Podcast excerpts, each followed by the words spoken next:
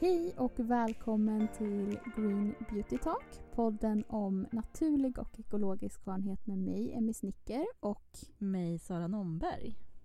Hej Sara! Hej Emmy! Så kul att se dig igen här. Ja, detsamma. Idag ska vi ju prata om rosacea. Ja. Och det är ju ehm, ett ämne, eller vad man ska säga, som jag tycker att det pratas mer och mer om. Ja, helt klart. Och ehm, jag tror att eh, det är någonting man har hört talats om. Mm. Men som man kanske inte har just det här djupare kollen på. Mm. Så känner jag själv i alla fall. Ehm, och därför ska det ju bli väldigt spännande att få lära sig lite mer idag. Ja. Och det tror jag också att våra lyssnare kommer tycka. Det är Ja. superspännande. ja, det tror jag också. Vi har ju fått en del frågor på det och jag vet att, att vi får det liksom kontinuerligt eh, eh, på företagen så som vi jobbar på båda två. Ja, precis. Eh, så jag tycker egentligen att vi bara kör igång. Och jag ställer första frågan till dig. Ja, Nämligen, Shit. vad är rosacea? Mm. Ja, men rosacea är en folksjukdom. Det drabbar ändå en hel, alltså en större del av Eh, befolkningen. Det är det som liksom är en folksjukdom.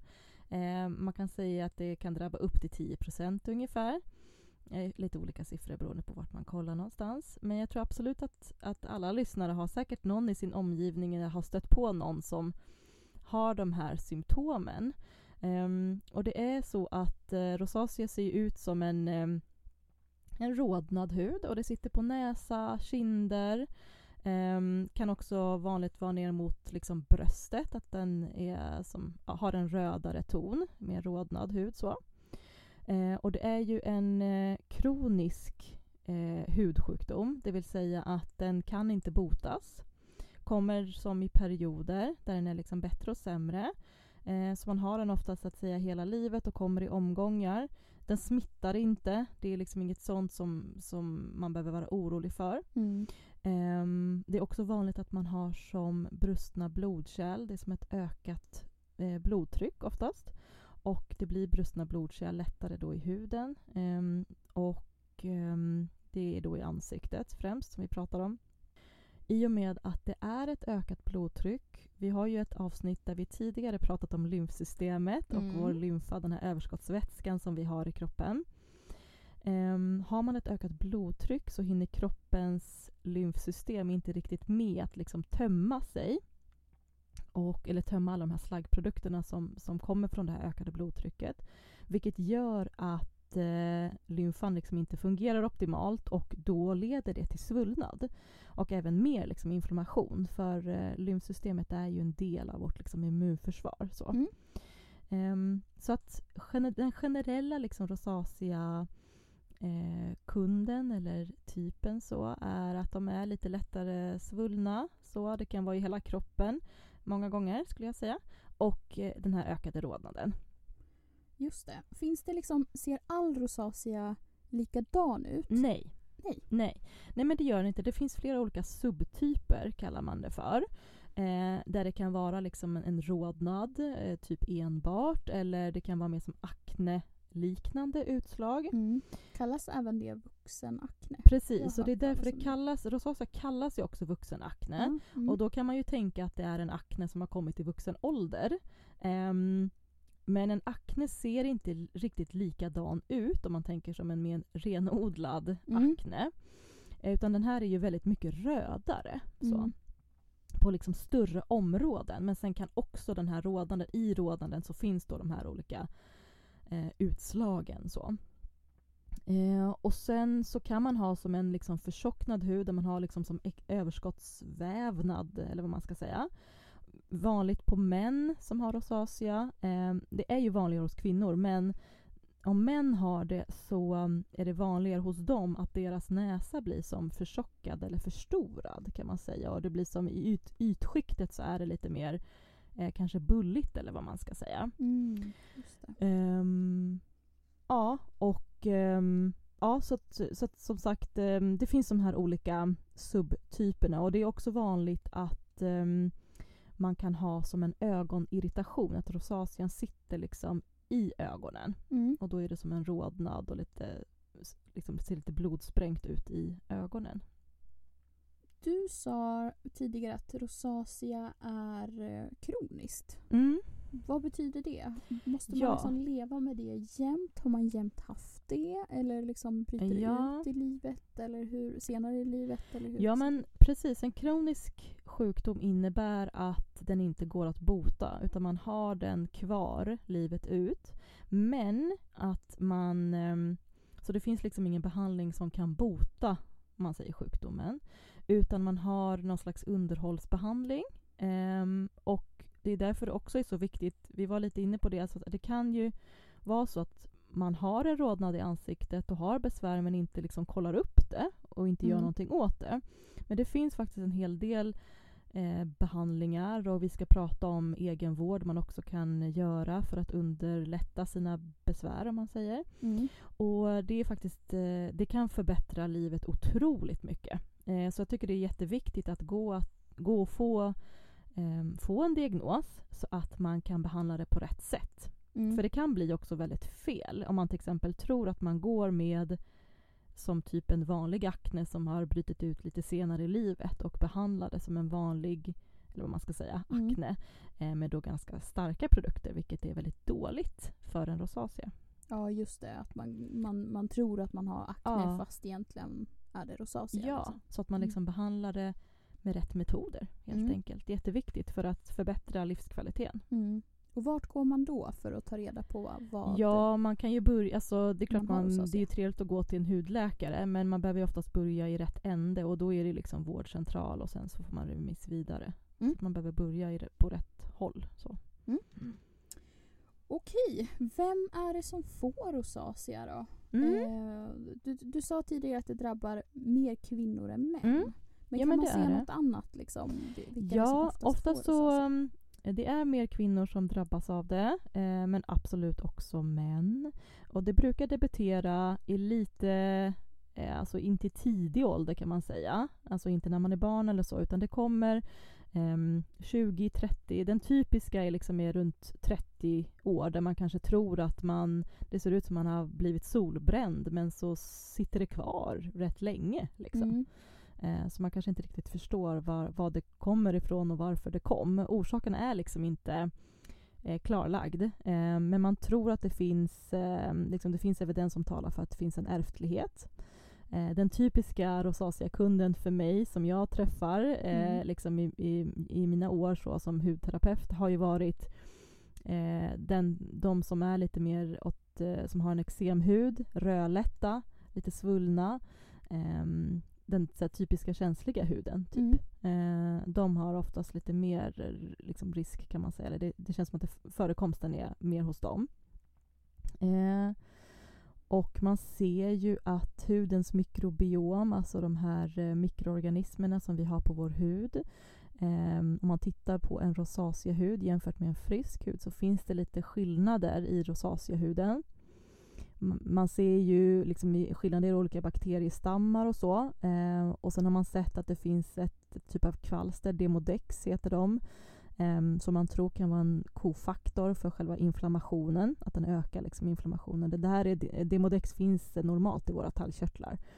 Eh, men här ser man liksom en ökad eh, förekomst. Eh, men man ser också massa andra saker. En ökad eh, av vissa bakteriestammar och minskad av andra och så vidare. Ehm, så att man ser att det är liksom en skillnad i huden. Ehm, och man har också som en defekt hudbarriär. Alltså att eh, vår hudbarriär är där för att skydda oss Mm. mot fuktförlust och ehm, när man har en, ett problem med hudbarriären så har man en ökad fuktförlust i huden. Och det gör att eh, våra fuktighetsfaktorer liksom inte kan göra sitt jobb, det vill säga hålla vår hud lite svagt sur, så huden blir som mer alkalisk. Eh, vilket också i sin tur eh, blir problematiskt för mikrobiomet som vill ha den här svagt sura. Så att det blir liksom, Mm. ja, Som en ond cirkel egentligen. Ja, det är liksom flera saker som, som händer i huden, rätt komplicerat. Och man vet som sagt inte varför man får det, men vissa saker kan trigga. Det kan ha varit att man har gått på någon medicin som har gjort att det har triggats eller sådär. Men oftast lite senare ålder då, helt enkelt, som det kommer. Och då är det viktigt att man går och kollar upp det. Mm. Så man får en diagnos och kan få rätt behandling. Ja men då så, då har vi lärt oss lite vad rosacea är Mm. och sen varför, varför och vem som får det. Mm. Men sen pratar man ju om triggersfaktorer Mm. när det kommer till rosacea. Mm. Och det eh, är ju alltså det som triggar igång rosacean får man ju säga. Mm. För precis som du sa så kommer det i skov eller liksom omgångar. Exakt. Och sen finns det olika saker i, i livet som gör att det liksom triggas igång. Ja. Kan du inte berätta lite mer om det? Mm. Ja men precis så är det och ehm, det här är ju eh, vi, vi har delat upp dem faktiskt som, eh, för att göra det lite enklare för er som i, i två, två typer. Både det som man kan koppla till livsstilen och sen så har Mm. vi sagt skönheten som en egen del eftersom att det är ju ändå vår inriktning. Mm. Vilket såklart också kan vara en, en del i livsstilen, självklart. Men det som man brukar prata om som triggersfaktorer eller triggers för rosacea är sol och värme, kyla och blåst, alkohol, eh, varma drycker, starkt kryddad mat och stress. Ehm, och pratar man med, när jag har pratat med mina liksom rosacea-kunder så är det många som säger så här att ja men om jag inte gör det här, ehm, liksom det här är livet. typ. Ja. Hur ska man hantera det? Och det är ju så att jag tror att man får ta något slags ställningstagande där man vill ha en så god livskvalitet som möjligt Mm. och försöker undvika eh, det, de faktorerna som känns värst för sig själv. Alltså det man vet är det här triggar min rosacea. Mm. Eh, och ibland så kanske man eh, eh, bara inte orkar. Och då vet man att det kan finnas en konsekvens Mm. om man inte liksom ser till att verkligen ta hand om huden eller ta hand om sig. Som för att Man kan se det lite som den här vågskålen. Mm. Liksom. Att om man gör någonting som är dåligt behöver man väga upp det med någonting bra. Men man Just kan inte det. bara köra på med dåliga saker för då tippar det verkligen över. Och så är det ju med rosacean. Och det som händer då det är att man får som såna här flushar.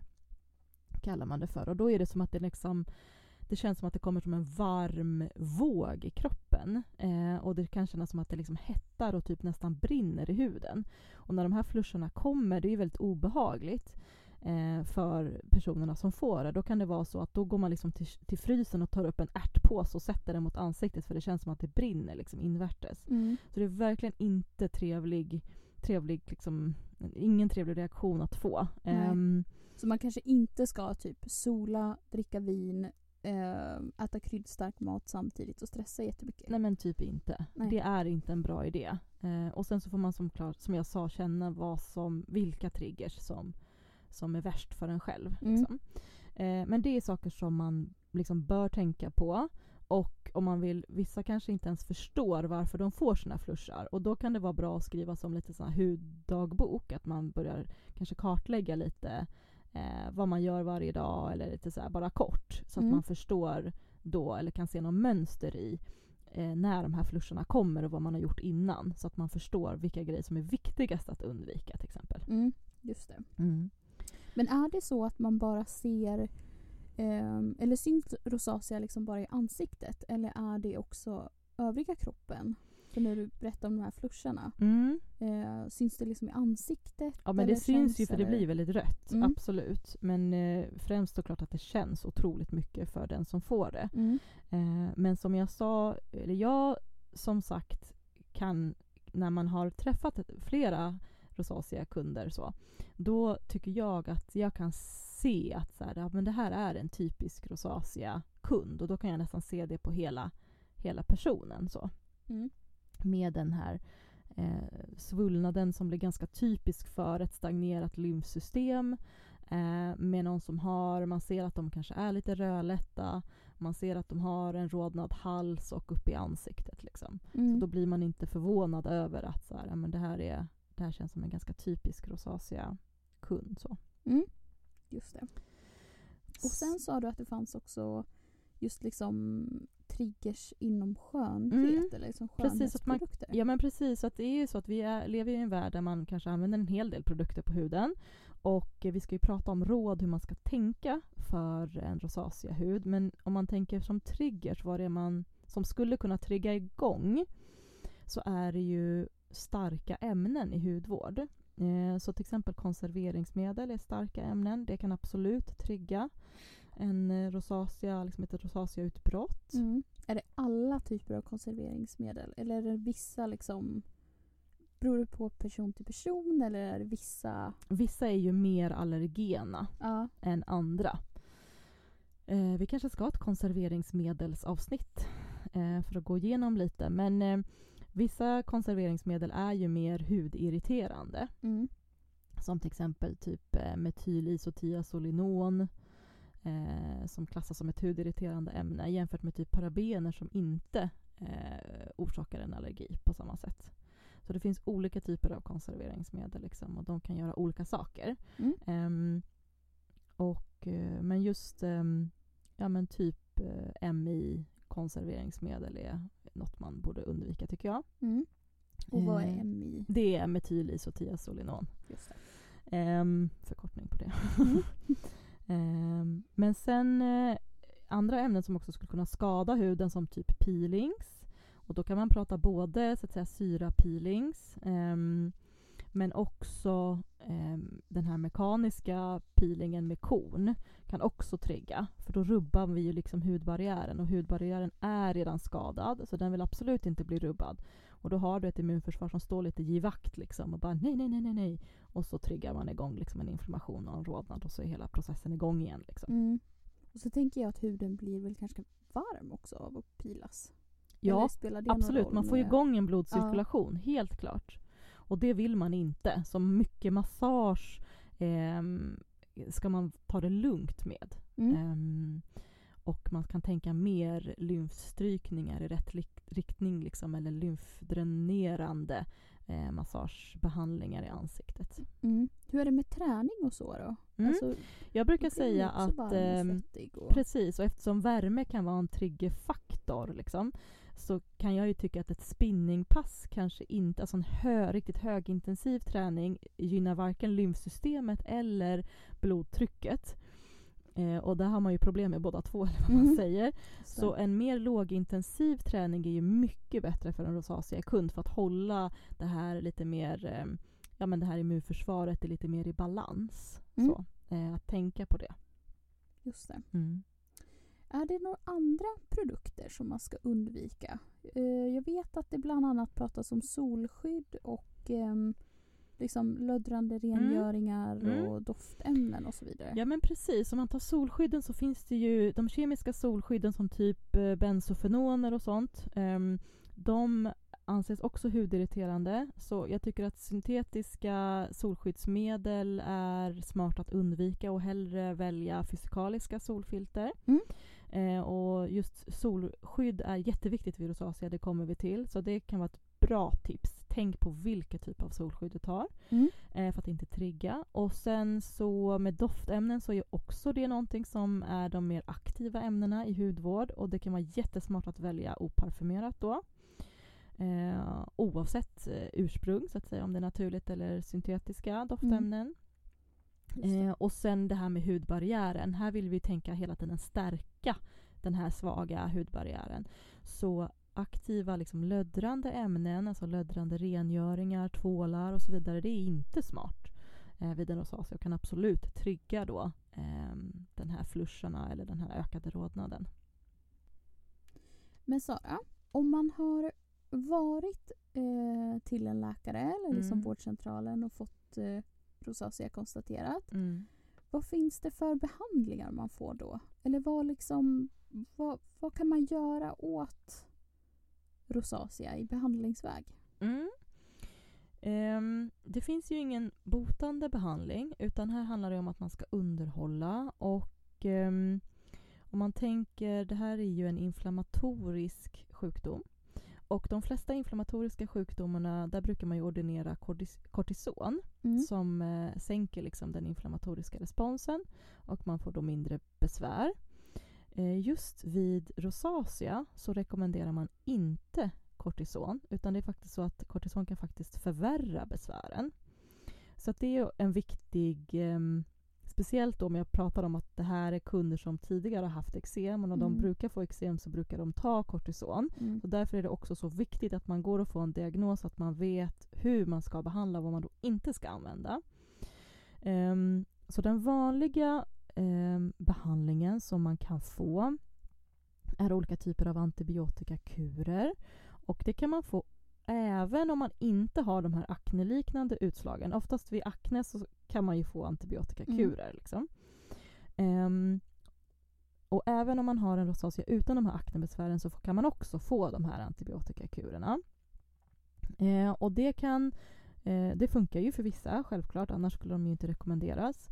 Ehm, men det är också för en hel del som de inte funkar.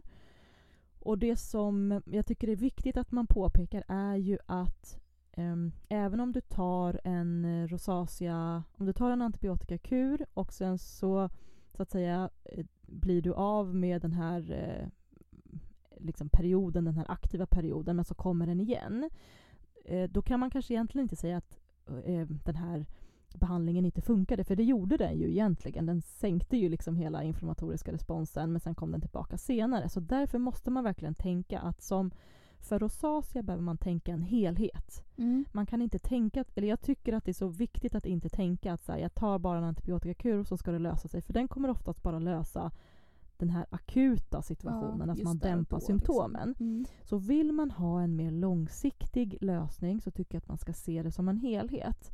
Både tänka då, eh, om man vill, då antibiotikakurer och sådana saker, men också andra livsstils eh, eh, liksom råd som man följer och även eh, skönhetsråd då, så att man inte förvärrar utan tänker stärkning liksom hela tiden. Mm. Eh, man kan också få eh, Finacea till exempel är ett vanligt preparat som, som, ska, som också sänker liksom, den inflammatoriska responsen i huden. Eh, så man kan få olika saker, men det jag tycker är viktigt är att eh, många gånger när en rosacea-kund kommer till mig, då har de gått på otaliga antibiotikakurer och som de så att säga inte tycker funkar för att de får fortfarande kvar sina besvär. Mm. Och så då brukar jag ju berätta det som jag nyss sa då. Ja, att, liksom det kan, man kan trigga kanske- igång den. Ja, Mm. men att ehm, det som är viktigt är att om du har gått på flera antibiotikakurer eh, under åren, liksom, då har du en rätt försvagad ehm, ditt, ditt immunförsvar, om man tänker i magen och dina bakterier, de är ju väldigt försvagade. Oftast när man eh, Eh, alltså det tar flera år för eh, din liksom, mag-tarmflora att återhämta sig från ett sånt angrepp, eller vad man ska säga. Och eh, därför rekommenderar jag alltid att man ska ta probiotika.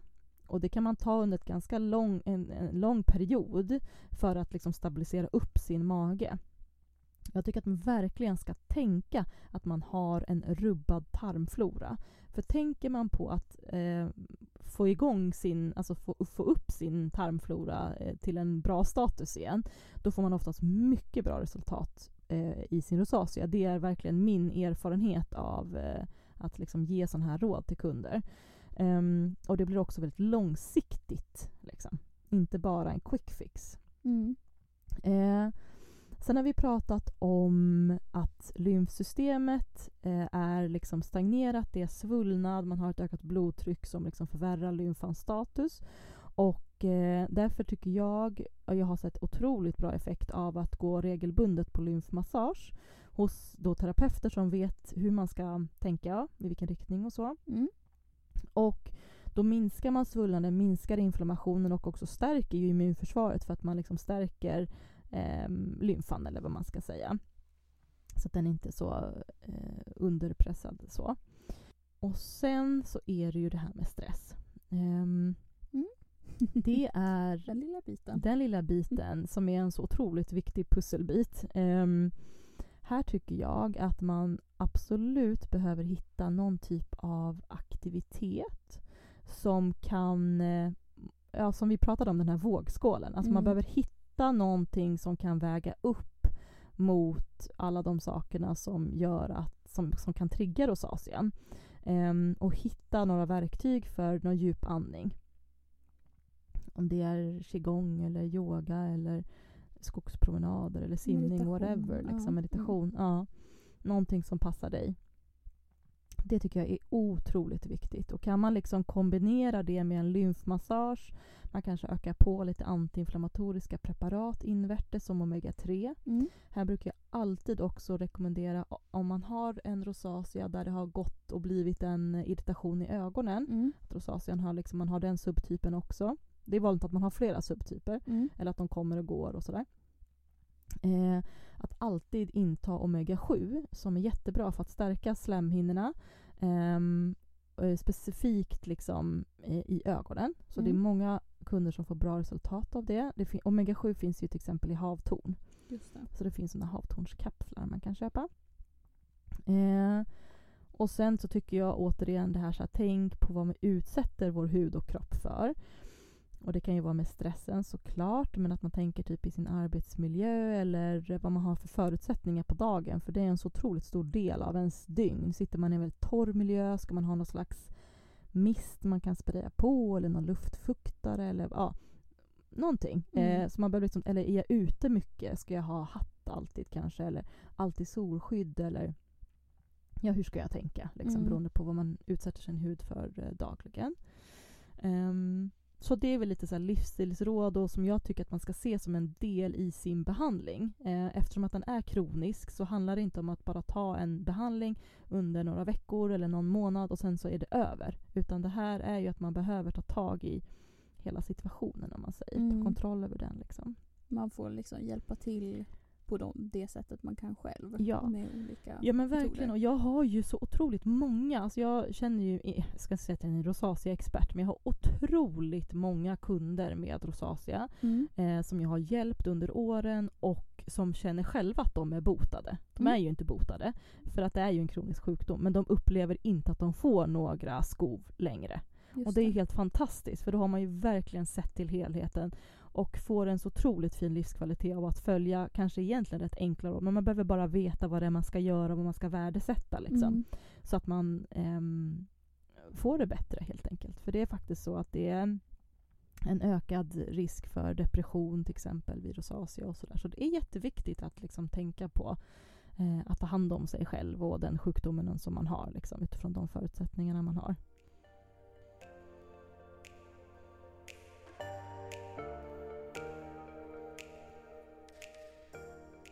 Ja, då har vi gått igenom lite livsstils ehm, åtgärder Ja. kan jag väl säga. att tänka på. Mm. Och lite triggers Mm. eh, också att tänka på.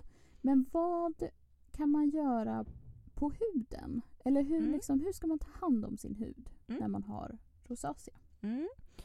Så jag tycker att man ska se en rosaceahud som en eh, väldigt känslig hud. Den är lättirriterad eh, och därför tycker jag att man ska använda produkter som eh, kan irritera så, att säga, så lite som möjligt. Samtidigt som man inte heller bara vill, man vill ju inte bara undvika problem, man vill ju faktiskt stärka.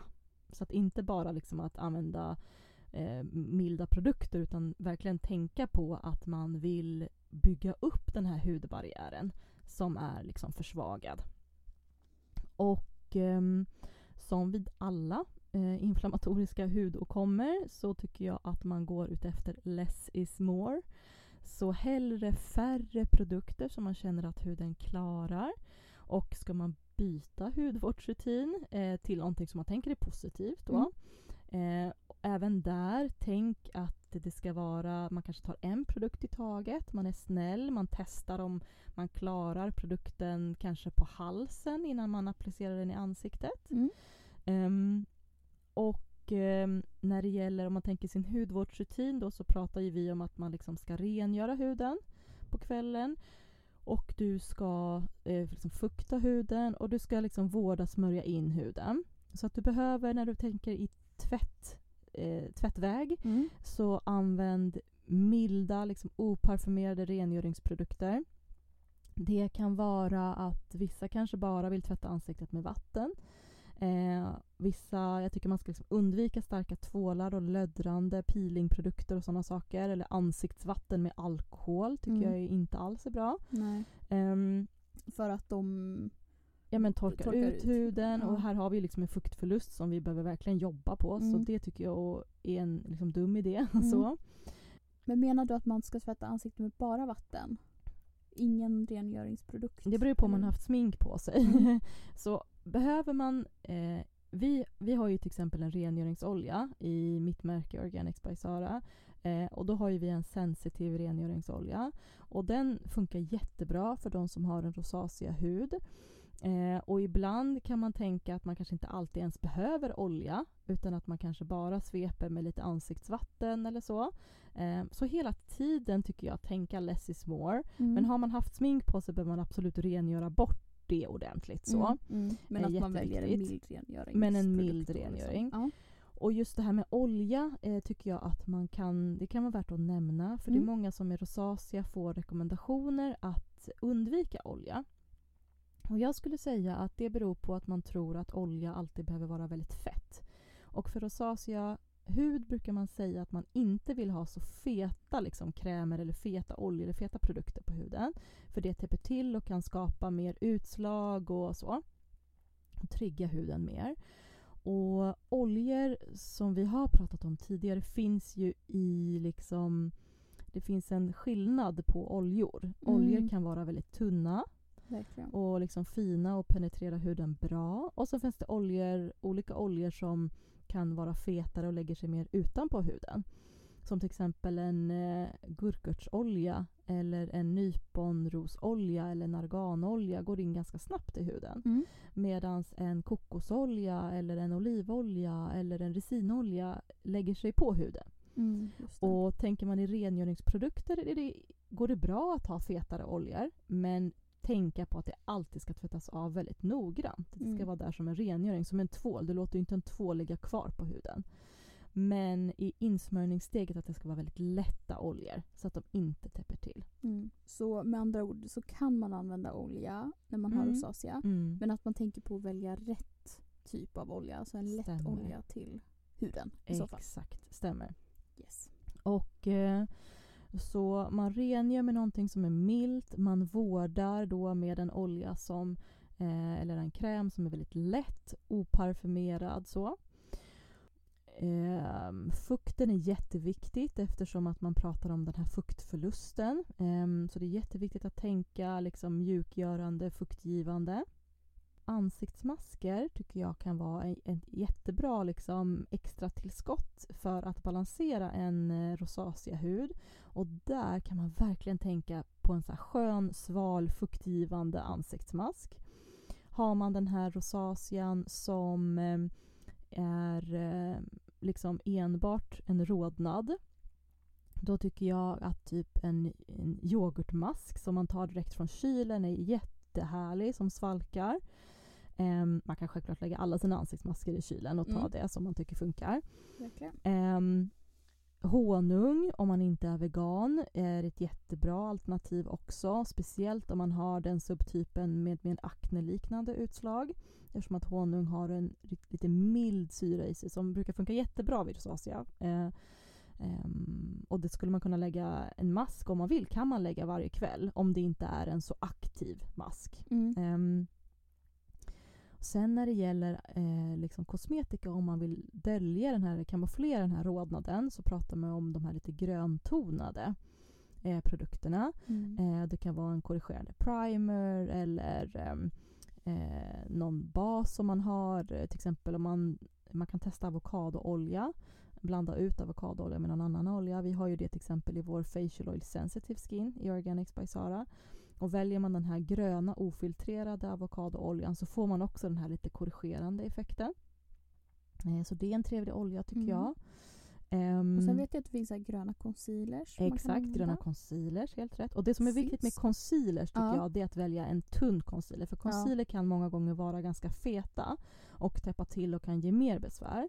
Så välj en som är tunn då. Mm, Lätt Eh, lätt liksom. produkt. Ja. Mycket bättre än de här lite tjockare. Och sen har jag faktiskt sett också eh, gröna ansiktskrämer. Ja, Alltså som har, har liksom börjat- lite pigment i. mm, Som mm. också ja, exakt. Så blir lite som en BB-cream fast Mm. ehm, En lite liksom. neutral, för, för en lite mer neutral hudton då om man är lite rödlätt. Mm. Jättebra. Och sen är ju det här med solskydd som vi var inne på. Mm. Eh, eftersom solskydd, eller solen är en trigger för rosacea så är det så otroligt viktigt att tänka på att när du är ute i solen så måste du skydda din hud. Solskydd är ett bra hjälpmedel men går inte hela vägen. Utan tänk hatt. Liksom. Mm. Tänk undvik solen i, liksom, i de värsta timmarna och så vidare. Vi har ju ett avsnitt om solskydd. Mm. Det, Man kan lära sig mer om. Ja, lyssna på det. Eh, vilka timmar man ska undvika och hur man kan tänka och sådär. Mm.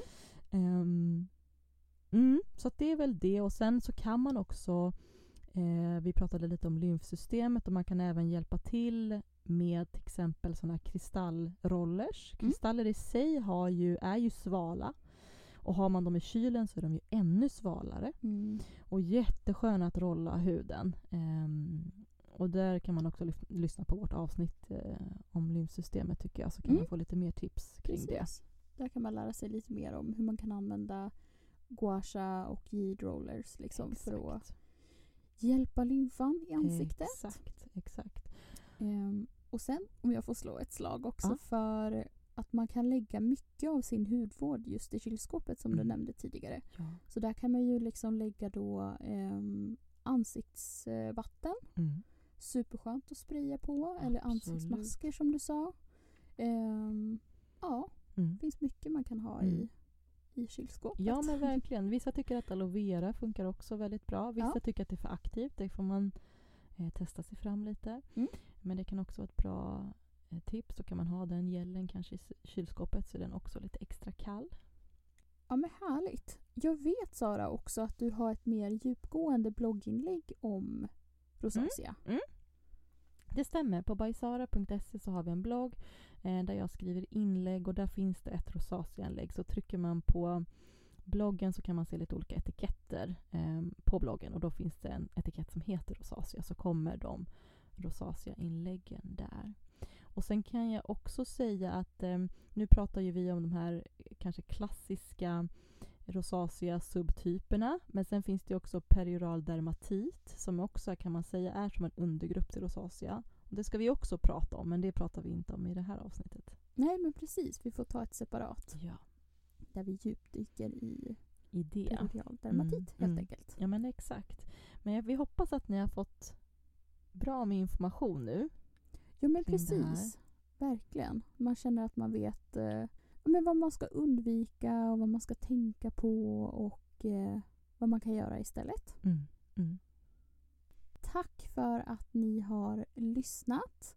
Ni kan följa Green Beauty Talk på Instagram. Där hittar ni oss på at Green Beauty Talk. Och vill ni följa mig, eh, Emmy Snicker, så hittar ni mig på Instagram ehm, på mitt skönhetskonto som jag numera har. Just det. Så Ja. spännande. Ehm, Glossy Beauty Edit heter det. Ehm, ja, mycket ekologisk skönhet. Mm. Och var Jättekul. kan man följa och ehm, se dig Sara? Jo, på mitt företagskonto som heter Organics by Sara och sen även mitt mer privata Sara Nomberg. Ja, härligt. Sen vill vi också säga ett stort tack till poddrummet och Blackpixel för att vi får låna deras fina poddstudio. Tack för att ni lyssnat. Hej då! Hej hej.